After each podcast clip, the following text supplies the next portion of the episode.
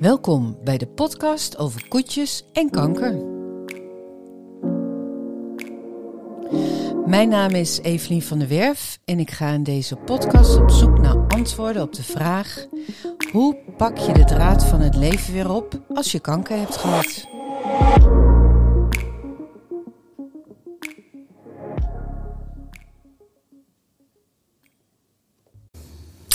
Bij mij aan tafel zit vandaag uh, Ellen Kampman. Zij is hoogleraar voeding en ziekte in Wageningen.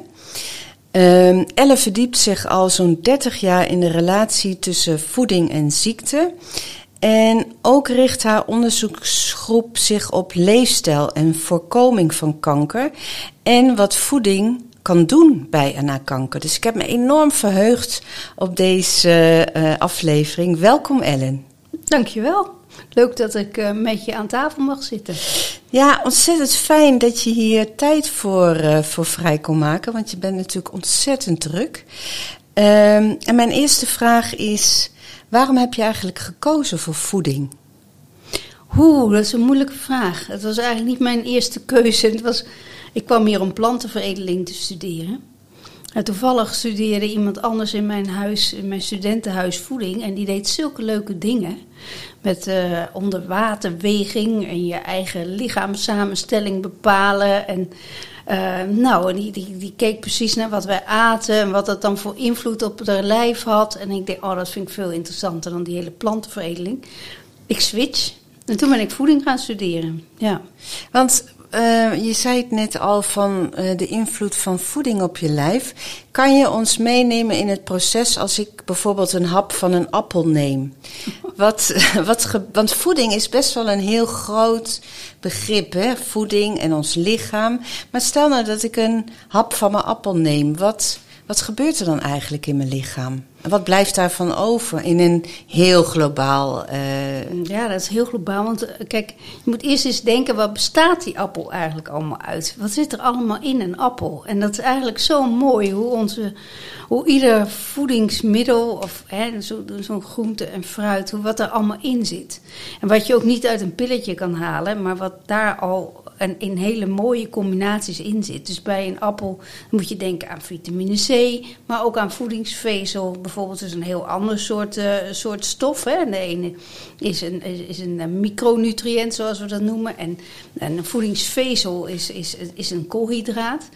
Een, een macronutriënt. Nou, dat zit allemaal helemaal mooi in elkaar vervlochten. Dat, dat ga je eerst kouwen. Dan komt er van alles al, al, al vrij. Dan die speeksel moet dat verteren enzovoort. Het ene wordt afgebroken daar al. Het andere gaat door je slokdarm heen. Komt in je maag. Er worden weer andere zuren aan toegevoegd. En dan wordt er weer van alles afgebroken. Komt het in je dunne darm. En dan worden er stofjes opgenomen al. Daar wordt bijvoorbeeld uh, die, die, de vitamine C al uh, in je lijf opgenomen. Dan ga je naar je dikke darm en daar gaat die voedingsvezel zijn werk doen. Want er zitten allerlei uh, kleine bacteriën en die, die, die gaan daar die voedingsvezel verwerken. Dan krijg je weer allemaal nieuwe stofjes, waardoor je darmen beter gaan werken. Nou, en dan langzaam gaat het naar het eind en dan komt het eruit. Hè? Dan ligt het in het toilet. En dan ligt het in het toilet. En dan kunnen wij weer kijken wat ligt daar dan. En dat is per persoon anders. En dat is voor ons ook weer een hele mooie manier om te kijken wat gebeurt er nou in die darm. Hè? En, en, en wat voor beestjes zitten er bij jou in de darm. Het zijn anders dan die bij mij in de darm zitten. En uh, dus ik zal zo'n appel ook anders verteren dan jij, omdat ik al anders, mijn, mijn lijf al anders werkt. En dus ook het hele, wat we stofwisseling noemen, bij mij anders is dan bij jou. Dus daar kijken we dan naar. Wat zijn de verschillen tussen mensen? En wat voor een effect heeft de appel bij de een en wat voor een effect heeft de appel bij de ander? Hè? Dat is eigenlijk al gelijk een heel interessant onderwerp, want uh, over het algemeen krijgen wij een heel algemeen voedingsadvies. Ja. Mm -hmm. Terwijl je eigenlijk nu meteen al zegt, die appel die werkt, of die, die geeft mij andere, wordt op een andere manier verteerd ja. dan bij jou. Um, hoe, stel dat een al, algemeen uh, advies is, je moet, uh, ik noem maar iets heel geks, drie appels per dag eten, want dat is gezond. Um, hoe kom je er dan achter of dat voor jou ook zo geldt? Dat is een moeilijke vraag. Ik denk ten eerste zullen we nooit zeggen drie, eet drie appels per dag. Omdat we altijd zullen zeggen eet uh, zoveel uh, fruit per dag. En varieer daarin. Ook al omdat dat per persoon ook anders is. Maar ook omdat het per um, appel of per banaan of ook anders is. En dan weer andere stoffen in zitten. Dus die combinatie is ook weer belangrijk. Daarom varieert. Um, hoe, hoe je daarachter komt, ja, dat is, dat is heel erg lastig. Eigenlijk zie je dat voor een deel kan je dat uit ons geen halen. En er zijn al mensen die hun uh, hele DNA laten screenen om te kijken wat, daar, wat zij allemaal uh, uh, voor een, een, DNA hebben. Wat maakt ook hoe je dingen omzet en hoe je stofwisseling is.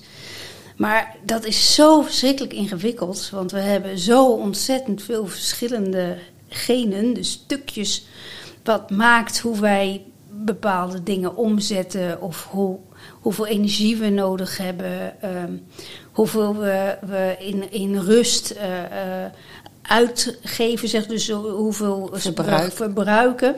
He, dus dat is ook alweer persoonverschillend. Hè? Dat is voor een deel genetisch, dus erfelijk bepaald.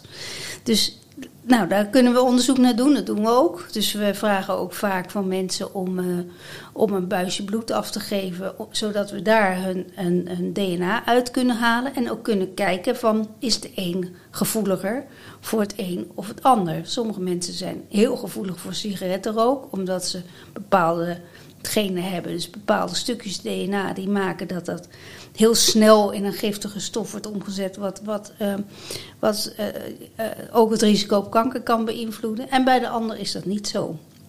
En iedereen kent ook wel die verhalen van zo'n opa die zijn hele leven lang uh, gerookt ja. heeft en flink gedronken heeft.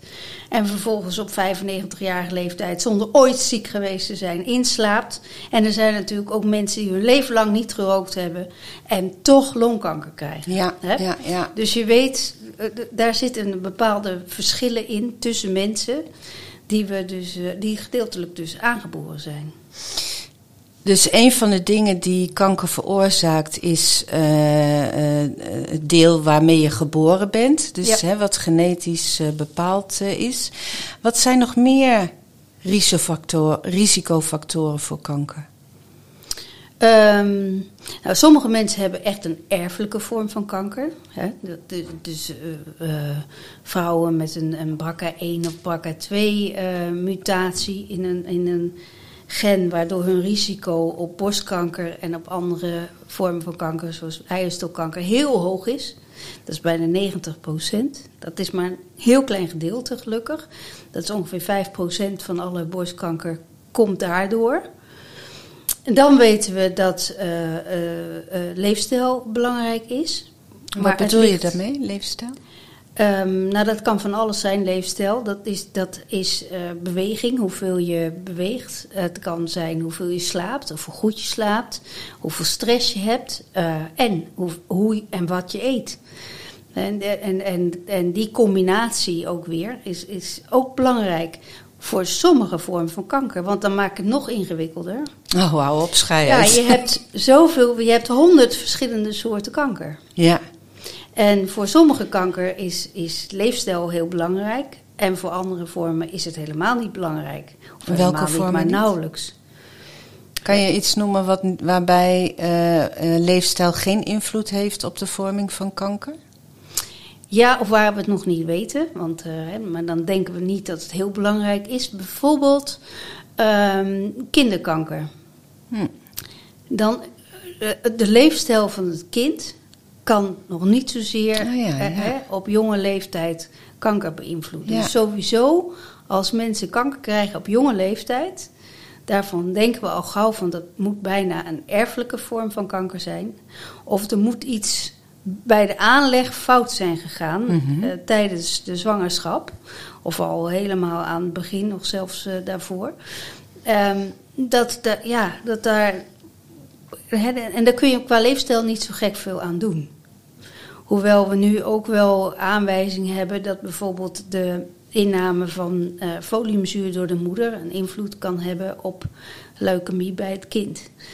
Maar kanker ontstaat over het algemeen in, in, in 30, 40 jaar. Waarbij je allemaal verschillende veranderingetjes krijgt in dat DNA. En uiteindelijk leidt dat tot een tumor bij de een en bij de ander niet.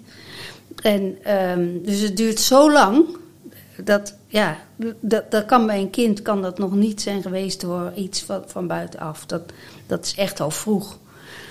Dus daar is, speelt dat niet zo'n rol. We, er zijn ook vormen van, van kanker, leukemie bijvoorbeeld, of, of bepaalde lymfomen, waarvan we denken van ja, leefstijl lijkt niet, daar niet zo van belang. Um, er kan nog wel, dat ook onder leefstijl kan natuurlijk ook een beroep vallen. Hè? Je kunt natuurlijk ook uh, blootgesteld zijn aan, nou, zoals huisschilders, aan bepaalde oplosmiddelen. Hè? Dat, gelukkig is dat nu niet meer het geval, maar dat was wel zo. En die daardoor hersentumoren uh, eerder kregen. Hè? En, uh, dus dat kan, dat kan ook nog voor sommigen, maar dat denk ik niet dat dat te maken heeft. Hersentumoren hebben over het algemeen ook niet te maken met hoeveel je gegeten hebt of hoe weinig je bewogen hebt. Of, nee, dat is voor iedere kanker is dat anders. En zelfs bij iets wat, zoals borstkanker, wat heel veel voorkomt, daar zijn ook nog weer verschillende vormen van borstkanker. Dan maakt het ook nog wel uit, is een hormoongevoelige, een niet-hormoongevoelige. Nou, ook daar zijn weer andere risicofactoren voor. En dat is ook niet altijd leefstijl zozeer de belangrijkste. Maar speelt bijvoorbeeld bij de, de, de borstkanker na de menopauze... speelt ook een rol van hoeveel kinderen heb je gehad. Uh, hoe oud was je met het eerste kind? Heb je borstvoeding gegeven? Heb je de pil geslikt? Uh, nou, enzovoort. Dus daar zijn meer hormonale factoren bij borstkanker. En heeft het veel minder te maken met uh, precies wat je gegeten hebt. Wel hoeveel, want overgewicht is daar belangrijk. Maar niet zozeer wat je nou precies gegeten hebt. Dus het is echt ook afhankelijk van het type tumor waar je het over hebt. En als ik zo naar je luister, dan overvalt mij een gevoel van... Poeh, hoe kan ik dan als, als hè, in, in dat uh, al die uh, slechte al, al die, die verschillende aspecten van waardoor je wel of niet kanker krijgt, hoe kan ik dan uh, voor mezelf, ik heb dan zelf twee keer borstkanker gehad, wat kan ik dan op, vanaf dit moment doen om de kans dat ik het qua voeding, de kans dat ik het weer krijg te verkleinen? Ook dat hangt af van het uh, type kanker wat je gehad hebt. Hormoongevoelig had ik. Hormoongevoelig, ja. Ik, ik, ik denk wel dat je in het algemeen wel iets kunt zeggen. Fijn. En ja, ja, in het algemeen geldt wel dat we, en dat geldt voor ons allemaal, en of je nou kanker hebt gehad of niet, maar dat we echt zo moeten zorgen dat we zo gezond mogelijk leven. En dat is ongelooflijk moeilijk. Geldt dus ook voor zo gezond mogelijk eten. Is ja, wat, wat, wat, wat versta je onder zo gezond mogelijk leven? Wat is dat? Wat doen we dan? Als je, laat ik beginnen met zo gezond mogelijk eten. Ja. Hè? Als je zo gezond mogelijk eet, dan zou je eigenlijk moeten eten volgens de schijf van vijf. En dat haalt bijna niemand in Nederland. En die schijf van vijf, die, eh, ik zal even vertellen hoe die tot stand komt, want anders, dat weten veel mensen denk ik ook niet, is dat um, die is gebaseerd op de richtlijnen goede voeding. De richtlijnen goede voeding, die worden opgesteld door uh, de allerlei, zijn wel twintig voedingswetenschappers, diëtisten, artsen, uh, andere mensen die verstand hebben van voeding allemaal experts die bij elkaar zitten. En, en, en, zeker een jaar. En dan alle literatuur, wetenschappelijke literatuur, die tot dan toe is verschenen op het gebied van voeding. En chronische ziekten, en daar valt kanker ook onder. Kanker, hart- en vaatziektes, um, COPD, uh, depressie. Alle uh, vormen van, uh, van chronische ziektes. En dan kijken ze van wat zien we nou uit, wat halen we nu uit de literatuur. En dat voegen ze allemaal weer samen.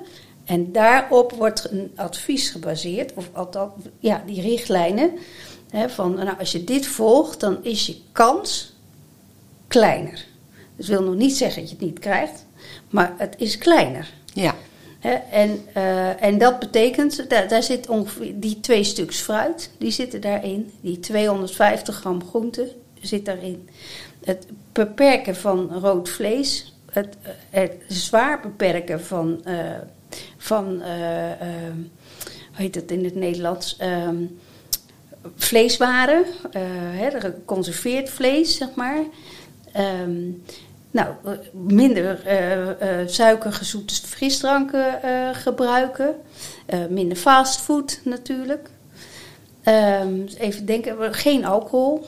Helemaal niet? Nee, helemaal niet. Alcohol is de meest kankerverwekkende stof die je maar binnen kan krijgen. Zo, wauw. Ja, ja ik, heb daar ook, uh, ik, ik, ik, ik, heb daar ook over geschreven dat je... Uh, of uh, gelezen, hè, wat, uh, maar ook daarin vind je ook op internet hele. Als je ja. wil, wilt lezen dat alcohol best wel meevalt, vind je daar ook weer oh, een tuurlijk, onderzoek. Tuurlijk, maar er zit ook een hele industrie achter, hè? Vergis je het niet. Ja, want dat vind ik wel heel interessant, want dat is denk ik ook een van de verwarrende dingen. Wat je net zegt, de schijf van vijf. Mm -hmm. Twee stuks fruit, uh, 250 gram groente, een stukje vlees, een stukje kip dan liever, liever en vis. Ja. Uh, uh, volkorenproducten. Ja. Uh, melk. Dat je dat nog even noemt. Ja. ja. ja. En, zuivel. Zuivelproducten. Ehm, en Oké, okay, dus dat is, dat is heel duidelijk. Dat kan je ook googlen wat dat nou precies is. Uh, maar wat dan niet mag, dat vind ik dan ook dat je dat ook heel helder zegt. Geen alcohol. Is het dan nul alcohol? Nee. Of is het dan maar één glas alcohol? Nee, geen. Nul. Nee. Okay. Maar iedereen beseft ook dat je ook nog een sociaal leven hebt. Hè? Dus het zal echt niet uh, zo zijn dat je denkt, nou ik drink nooit meer wat. Dat is natuurlijk, dat, dat werkt ook niet. Maar, maar, besef je gewoon dat het een kankerverwekkende stof is. Dus dat je wel, hè, ik, ik, ik zie gewoon toch wel veel vrouwen van mijn eigen leeftijd. Die heel makkelijk, uh, nou doe even een wijntje voor het eten. En dan doe ik nog, misschien nog zelfs een wijntje tijdens het koken. En doe ik daarna ook nog twee wijntjes. Hè? En gezellig. En ja. dat doe ik niet alleen vandaag, dat doe ik morgen en dat doe ik overmorgen. En in het weekend doe ik nog iets meer. Ja. En dat zie ik toch wel vrij veel. En dan denk ik, hou er rekening mee dat dit je risico op borstkanker wel danig verhoogt. Want wat doet, wat doet alcohol dat borstkanker wordt ontwikkeld. In een hele eenvoudige term. Waar, waarom is alcohol dan zo gevaarlijk ja, voor je gezondheid? Niet, niet alleen voor, voor borstkanker natuurlijk, hè, voor veel vormen van kanker. En ook daarbij geldt dat het afhankelijk is van het soort kanker, wat alcohol precies doet. Alcohol kan uh, echt het DNA beschadigen, daarmee zeggen we echt dat het een kankerverwekkende stof. Waardoor je uh, waardoor je echt, ja, en dat is met name ook waar het echt bloot staat. Hè, dus je, je, je keelholte, je slokdarm, hè, da, da, dat soort uh, vormen van kanker. Dat wordt toch ook ja, door die alcoholblootstelling. Uh, het is op zich geen kankerverwekkende stof, maar in het lijf wordt het omgezet tot een kankerverwekkende ah. stof. Dus dat, maar bij borstkanker werkt het op een andere manier. Waarschijnlijk omdat uh, uh, alcohol ook je hormoonlevels beïnvloedt. Dus als je vrouwelijke geslachtshormonen worden ook beïnvloed door, je, door hoeveel alcohol je binnenkrijgt. Dus op die manier denken we dat juist bij een hormoongevoelige tumor, zoals borstkanker meestal is, dat dat op die manier werkt. Daarnaast is het zo, en dat vind ik ook wel belangrijk om even te noemen, dat mensen ook soms vergeten hoeveel calorieën erin zitten. En dus draagt het ook bij aan het feit dat we overgewicht hebben. En overgewicht is wel de, de, ja, het, hetgeen wat, de, wat wel twaalf verschillende vormen van kanker, wat daarvoor het risico verhoogt. Ook daarbij geldt dus, nogmaals, mensen die te dik zijn, wil nog niet zeggen dat je daardoor kanker krijgt. Hè, maar het risico, je risico is wel hoger.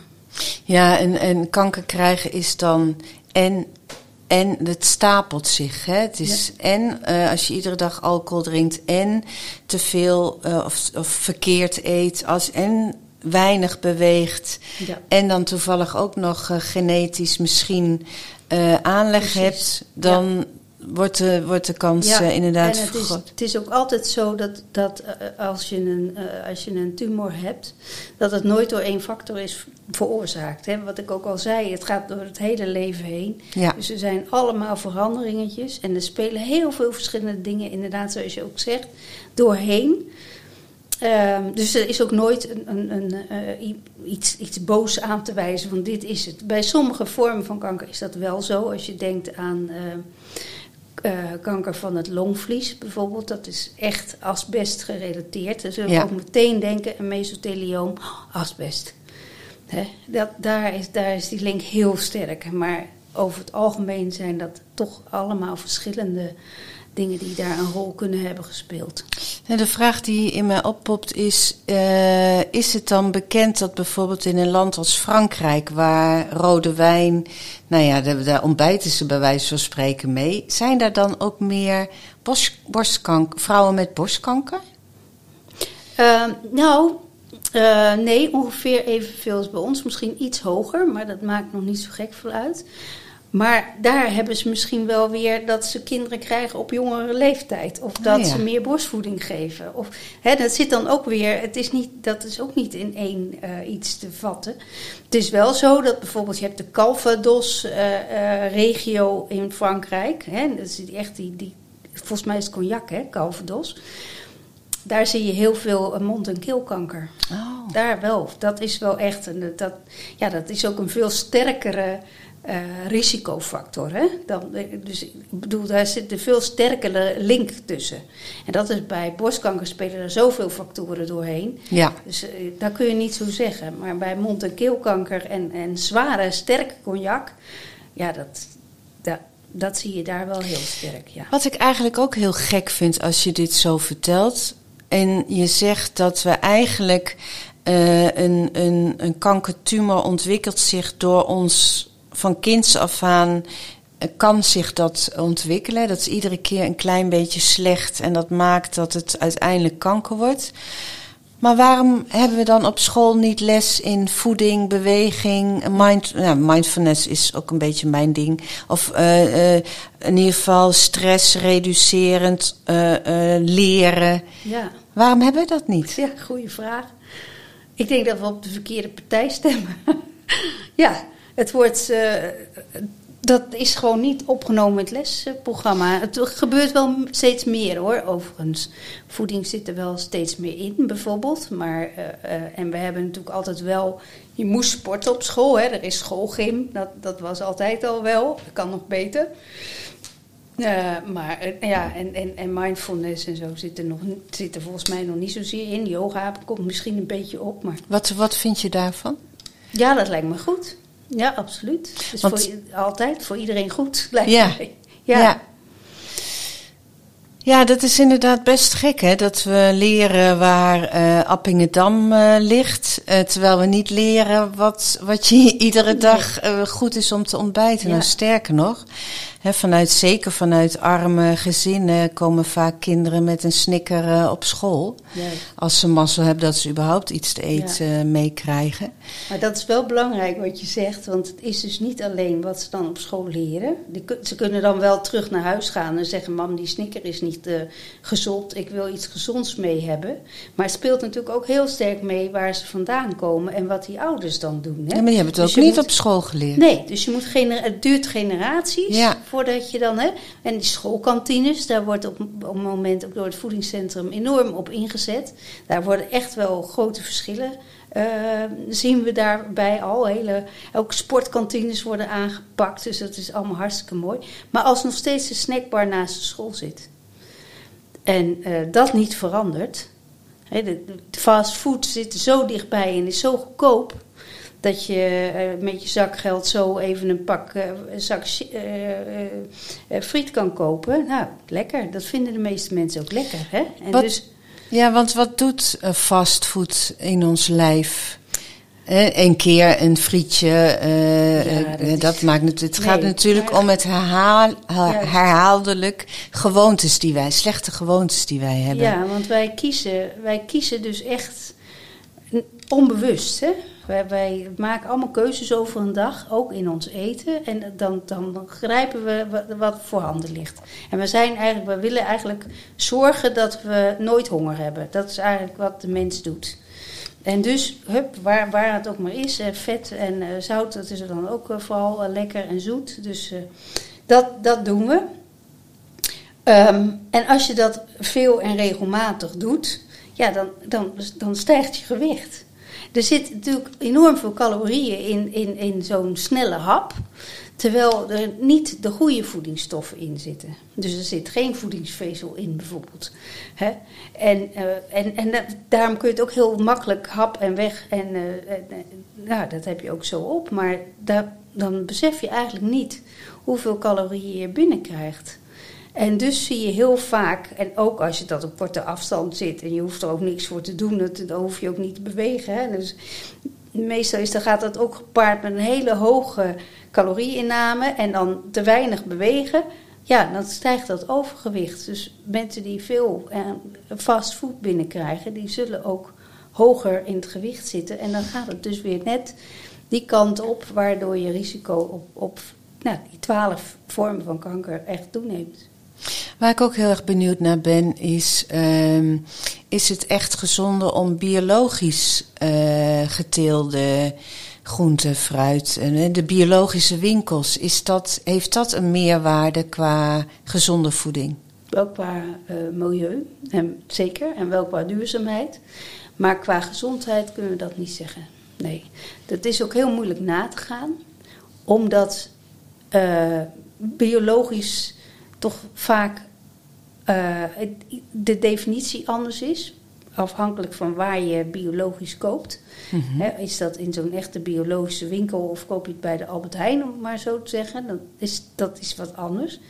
En, uh, hoe maar zeg je nou dat de Albert Heijn waarschijnlijk dat het niet 100% biologisch is? Oh jawel, als het biologisch opstaat is het biologisch. Okay. Maar het is meer van waar, waar, hoe wordt het dan geproduceerd specifiek? Hè? En dat geldt met name ook voor groente en fruit. Van hoe lang is het onderweg geweest? Uh, om, om, uh, is hoe is het verpakt? Uh, is het meteen vanuit de boer? ligt het in de winkel? Of zit daar nog van alles tussen? Um, dus het is zeker, komt van echt wel van een biologische boerderij. Maar hoe lang het verpakt is geweest of hoe, weet je, dat maakt heel veel uit. En, en um, hoe lang het in de opslag ligt. Dus er zit, de, da, dat maakt wel heel veel uit wat voor stoffen erin zitten. Maar wat het moeilijk maakt om te onderzoeken is dat uh, degenen die biologische producten kunnen kopen, zijn de mensen die een, een uh, behoorlijk gevulde portemonnee hebben. En die mensen die een goede portemonnee hebben, hebben over het algemeen ook een wat hogere opleiding. En weten ook, zijn ook meer geïnteresseerd, ook omdat ze meer tijd en aandacht uh, daaraan kunnen besteden aan gezond leven. Dus waar kijken we dan naar? Kijken we nu naar biologische producten of kijken we nou naar het hele leefpatroon van iemand dat sowieso al gezonder is? Ja. En dat maakt het verschrikkelijk moeilijk om het van elkaar te scheiden, naast het feit dat alle biologische producten anders zijn. Uh, uh, ik hoor je zeggen van uh, met, met, name met afstanden, hoe lang ligt iets. Dus het is het dan zo dat uh, eten wat je direct, bij wijze van spreken, zelf uit de grond pakt, haalt en meteen verwerkt tot voeding, dat dat het meest gezonde is? Een moestuin van jezelf? Ja, het ligt er weer aan waar die moestuin ligt. Als die naast een snelweg ligt, dan zou ik dat niet zeggen. Dus het ligt ook weer aan wat zit er dan in die grond en uh, hoe, heb je de, wat voor mest heb je daarop gedaan. En, dus dat, dat, kun je ook niet zo 1, 2, 3 uh, zeggen. Nou, het is ja, wel zo dat mensen die een eigen moestuin hebben, over het algemeen ook mensen zijn die dan wel meer groente eten, omdat ze het zelf verbouwen.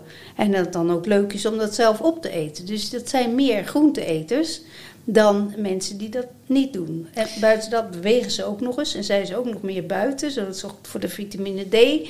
Dus het is, dat is ook een combinatie van, uh, van dingen wat goed voor je is. En, en daar valt zeker tuinieren wel onder, ja.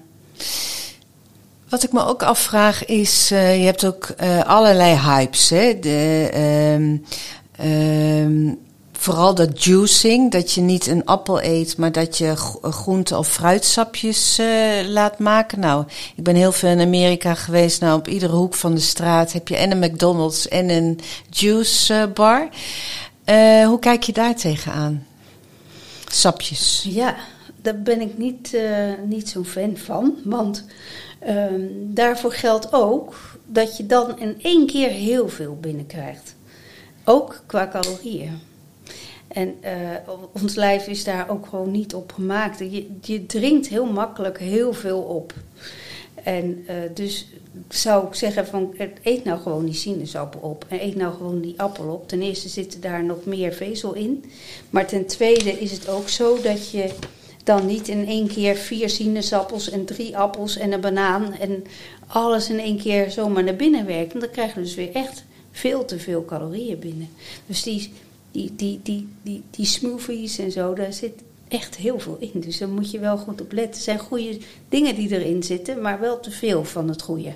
En als je nou gaat vasten met sapjes, is vasten überhaupt uh, iets Uh, ik ben toevallig zelf uh, met een proef bezig om intermittent fasting te doen. Mm -hmm. Ik las een heel mooi artikel over uh, de resultaten van langdurig intermittent fasting tussen 8 uur s avonds en 12 uur s middags. Met name ook voor Alzheimer-patiënten en kankerpatiënten, uh, dat die daar ook baat bij hebben. Heb jij daar ja, onderzoek over gelezen of, of mm -hmm. kan je ja. daar iets over zeggen? Ja, nou, um, er is nog maar heel weinig bekend over vasten in het algemeen, omdat we niet weten wat het op de langere termijn doet. Um, het intermittent fasting is eigenlijk ook niks anders eigenlijk dan een dieet. Hè? Je valt daar vanaf over het algemeen krijg je het gewoon minder binnen dan dat je anders had gegeten. Want anders je, had je misschien s'avonds na het eten ook nog uh, gesnackt of zo. Maar ja, dat doe je niet meer, want het is vanaf acht uur niet meer. En dan tot hè, je ontbijt is ook minder. En, uh, ja, dus je eet minder. Dat is voor iedereen goed. Dat is voor iedereen aan te bevelen. Dat geldt voor Alzheimer, dat geldt voor, voor kanker. Dat zal allemaal het risico met, ja, doet dat afnemen. Um, maar hoe dat verder zou werken op je stofwisseling, daar is nog heel erg weinig over bekend. Of dat ook inderdaad buiten het feit dat je je gewicht daarmee naar beneden gaat als je overgewicht hebt, is dat maar de vraag. Um, voor kankerpatiënten is het op het moment ook heel interessant, die, dat, die hele theorie over uh, uh, 24 uur van, of twee dagen van tevoren vasten voor chemotherapie. Ja. Hè? Um, maar dat is allemaal gebaseerd op dieronderzoek. En uh, Leiden Universiteit is daar heel druk mee nu. En die, die, hebben nu ook flink wat geld ingezameld om goed onderzoek bij mensen te gaan doen. En daar ben ik heel benieuwd naar. Ze hebben ooit eens geprobeerd om een onderzoek te doen bij borstkankerpatiënten, waarbij ze ze lieten vasten voor de chemotherapie. En het bleek dat vrouwen zich daar helemaal niet aan konden houden. Dus die studie is eigenlijk mislukt, omdat uh, bij de eerste keer chemotherapie ging het nog wel, bij de tweede ook nog wel, maar daarna niet meer. Daarna hadden ze genoeg van en daar werden ze ook een beetje raar van. En, dus ze hielden het niet meer vol. En dat betekent dat je zo'n onderzoek gewoon niet kan interpreteren. Dus nu hebben ze andere vormen van, van vasten. Dus niet meer helemaal vasten, maar een soort, wat noemen ze fasting mimicking. Dus nabootsend vasten. Hebben ze nu allerlei andere technieken voor bedacht. Dat gaan ze nu checken. Uh, onderzoeken. Dus ik ben heel benieuwd wat daaruit komt. Het zou heel mooi zijn, hè? een beetje quick fix, maar als dat helpt. De theorie erachter is best aardig. Dat je zegt van nou, we hongeren het lijf eigenlijk uit. Uh, gewone cellen die, uh, die gaan dan zich, uh, die gaan in zichzelf keren. Die, die, die zullen zich uh, een beetje op zichzelf gaan richten. En kankercellen denken van, oh, ik ga openstaan, want ik moet veel meer binnen zien te krijgen. Als je dan een chemotherapie eroverheen krijgt, gaan die kankercellen staan open voor alles.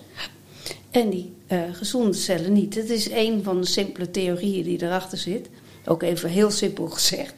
Maar ja, dat klinkt best, dat klinkt best goed als dat zo zou zijn. Maar we wetenschappelijk is dat niet aan, aan Maar is dat dan ook niet wetenschappelijk onderzocht vanuit... Er zijn natuurlijk in het Verre Oosten in zijn er culturen die nou, al uh, honderdduizenden jaren met vastingspatronen leven. Is nou nooit iemand vanuit Westen daar gaan onderzoeken van Ramadan eh, bijvoorbeeld, of nou, in de Indiaanse cultuur is vast een heel normaal iets. Uh, om te kijken wat, wat, wat ze daar voor resultaten behalen? Of, of wordt daar zo niet naar gekeken?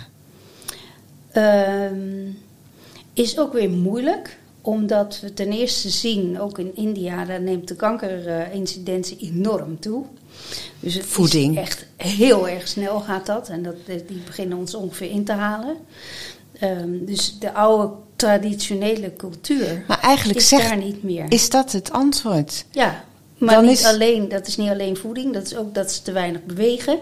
Hè, ze Precies. lopen nergens meer naartoe, ze nemen de auto, ze zitten daar ook in de vieze uitlaatgassen. Ze ehm, zijn ook gestrester, ze slapen misschien minder. Het, dat, dat zien we echt en daarom eh, kun je met zekerheid wel zeggen dat onze westerse, wat wij westerse leefstijl noemen, dat dat zeker het risico op kanker verhoogt.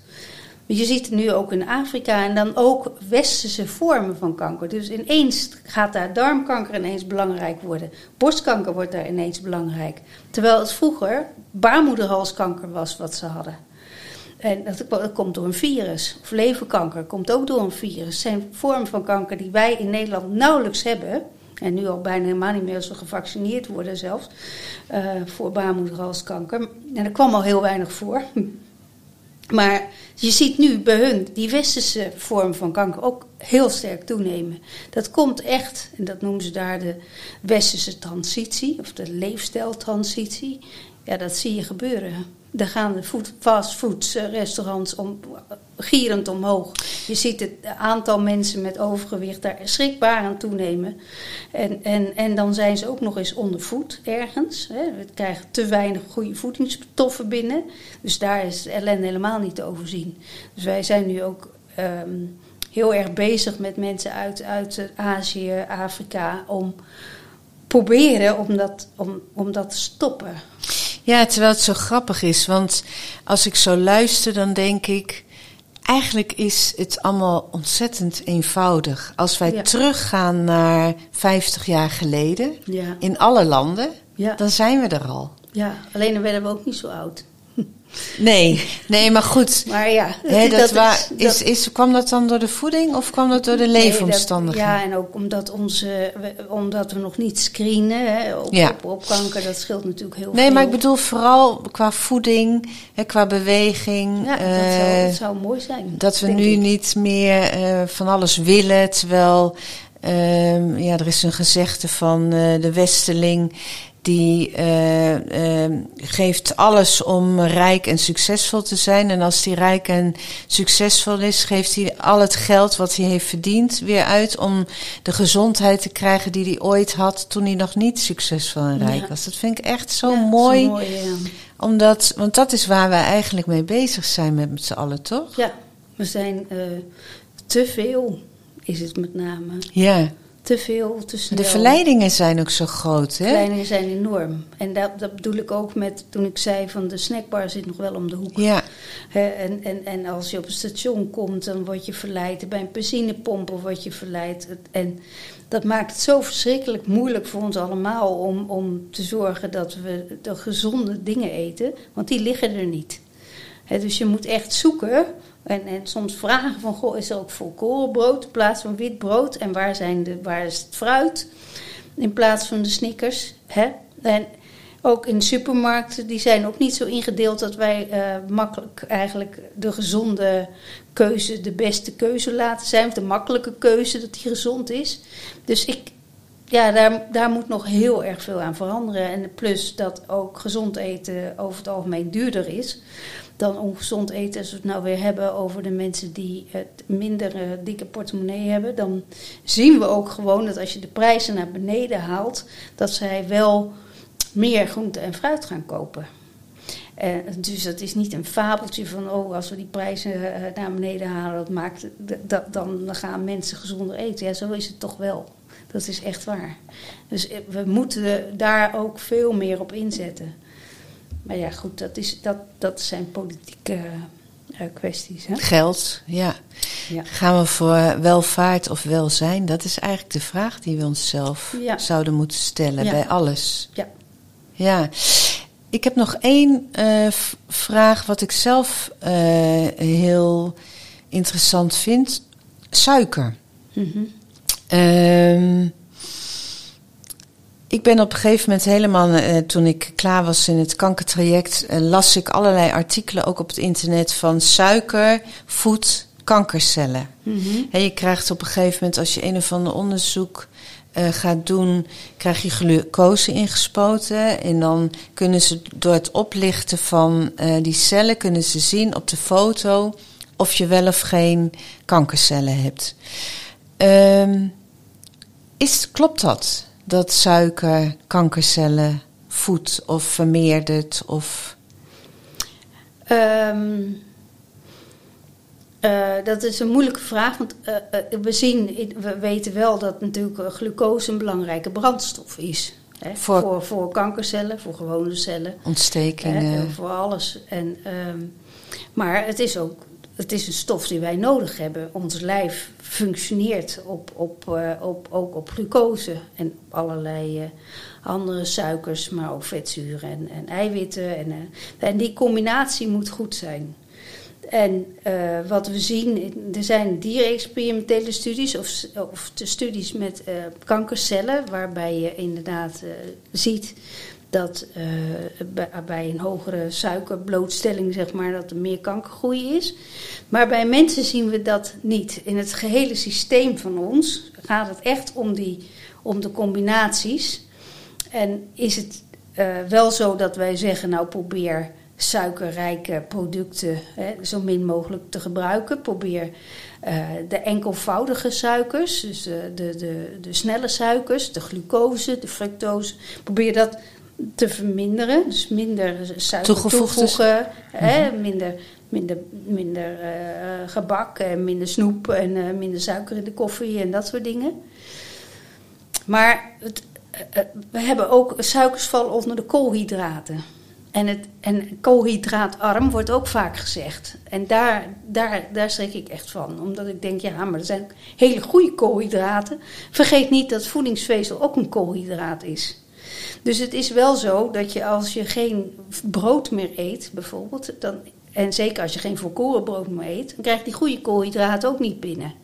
En, als je, en trouwens ook niet genoeg jodium. Er zijn nog wel andere dingen wat, waardoor ik, dat af, absoluut af zou raden om een koolhydraatarm dieet te volgen. En ook een, het, het ketonendieet bijvoorbeeld. Hè, ook populair. En dan denk ik, oeh, kijk uit wat je doet. Want dat is vaak dan weer, want je moet natuurlijk wel genoeg energie binnenkrijgen. Dus gaat mensen meer vet eten.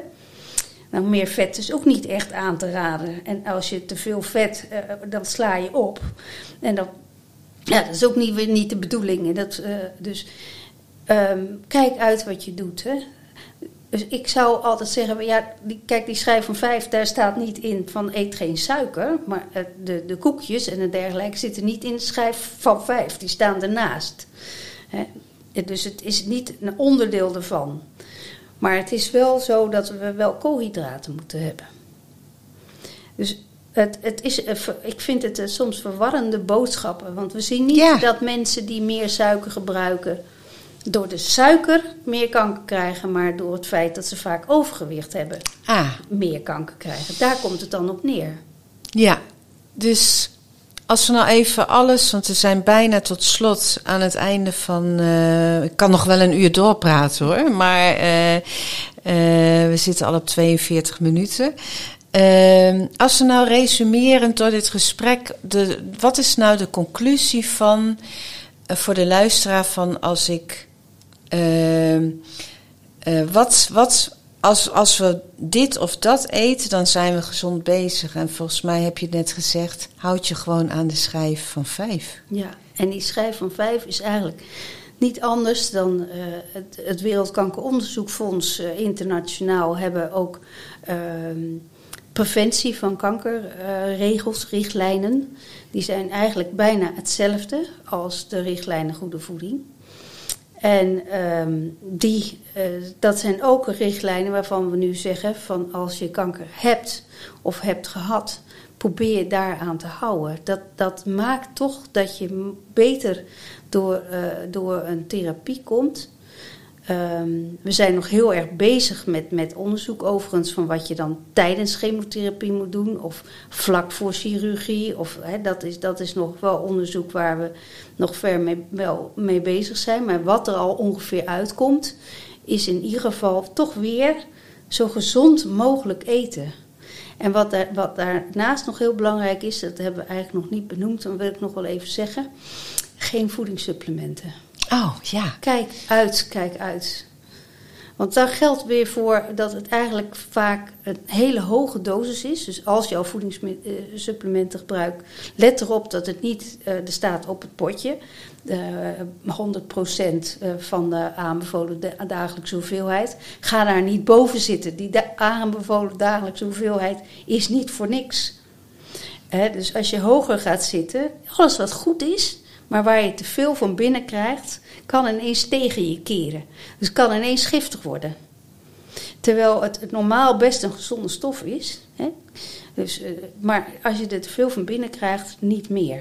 En bij voedingssupplementen kan het zo zijn dat je ver boven die 100% zit. En het kan zo zijn dat die combinaties van, van die voedingsstoffen niet zo mooi zijn. Dan zijn we terug bij het begin, bij die appel als in een natuurlijk product zitten. Zo zit het niet in dat potje van de, van de multivitamine. Dat is heel onnatuurlijk. Het zijn ook vaak onnatuurlijke synthetische stoffen. Dat zijn niet stoffen die in dat appeltje zitten, maar een synthetische vorm die langer houdbaar is. He, anders kun je het potje niet zo lang bewaren. Een appel kun je ook niet zo lang bewaren, namelijk. Dus het, het, is, het is gefabriceerd. Het is niet wat we binnen moeten krijgen. En ik zie bij dat, dat toch, we hebben te vaak nu aangetoond dat uh, mensen die van die vitaminesupplementen hebben gebruikt, een hoger risico hebben op kanker. Maar ook dat ze een hoger risico hebben op de terugkeer van kanker. En dat het hun overleving verlaagt. En denk, nu wordt het echt hoog tijd dat we geen voedingssupplementen meer gebruiken. En daar ben ik echt heel erg fel op. Maar ik denk, het is ook zo'n grote industrie. Ik kan daar niet tegen op. En ik Wauw, ik oh. vind het echt uh, chockerend, uh, dit nieuws. Ja. Ja, maar wat goed dat je het in. Want ik had het wel opgeschreven als vraag: van hebben we voedingssupplementen nodig? Maar wat goed dat je daar. Uh, ik wil er nog één nuance op zeggen. Ja. Tenzij je tekorten hebt. Hoe weet je en dat? En dat kun je door de huisarts laten testen. Oké. En, uh, maar dan moet je ze wel toe aanzetten, want artsen zijn over het algemeen niet zo heel erg geïnteresseerd in voeding. En daar weten ze ook niet zoveel vanaf. Wordt wel beter, want dat bouwen we nu in, in, de, in de geneeskundeopleiding. He, Maar, ja, he, maar um, zet ze er toe aan. Ze kunnen dat laten meten in ieder lab. Uh, en dan kun je even meten van hoe staat het met mijn vitamine D. Hoe staat het met mijn vitamine B12? Hoe is het met mijn ijzergehalte? Dat zijn wel eigenlijk al de belangrijkste, dat je dat weet. En dan kunnen ze ook kijken van, is daar uh, voedingssupplementen voor nodig? veel kankerpatiënten hebben lage vitamine D-levels, uh, vooral als ze gediagnosticeerd worden. Misschien moet je even een boost hebben, maar vaak is het wel zo als die tumor er eenmaal uit is en je bent weer schoon, kankervrij, dat die vitamine D ook weer op uh, niveau is. Dus meer gevolg van de tumor dan oorzaak. Maar ik denk, ja, moet je daar dan voor gaan slikken? Nou, soms wel, als het echt laag blijft, maar anders niet. Gewoon dat lijf zijn, zijn werk laten doen en gewoon gezond eten. Geweldig, dankjewel. Alsjeblieft. Heb jij nog tips of suggesties over onderwerpen of gasten? Laat het me weten via de mail Evelien van der Werf met dubbel F trouwens. En als je denkt, wie is dat mens achter die microfoon en wat doet ze allemaal? Neem dan eens een kijkje op mijn website www.evelienvanderwerf.info. Trouwens, in het tekstblok onder deze podcast vind je altijd alle informatie over de onderwerpen terug. Bedankt voor het luisteren en tot de volgende aflevering van Over Koetjes en Kanker. Won't you let me be a lifeline? Carry you with me through the darkest.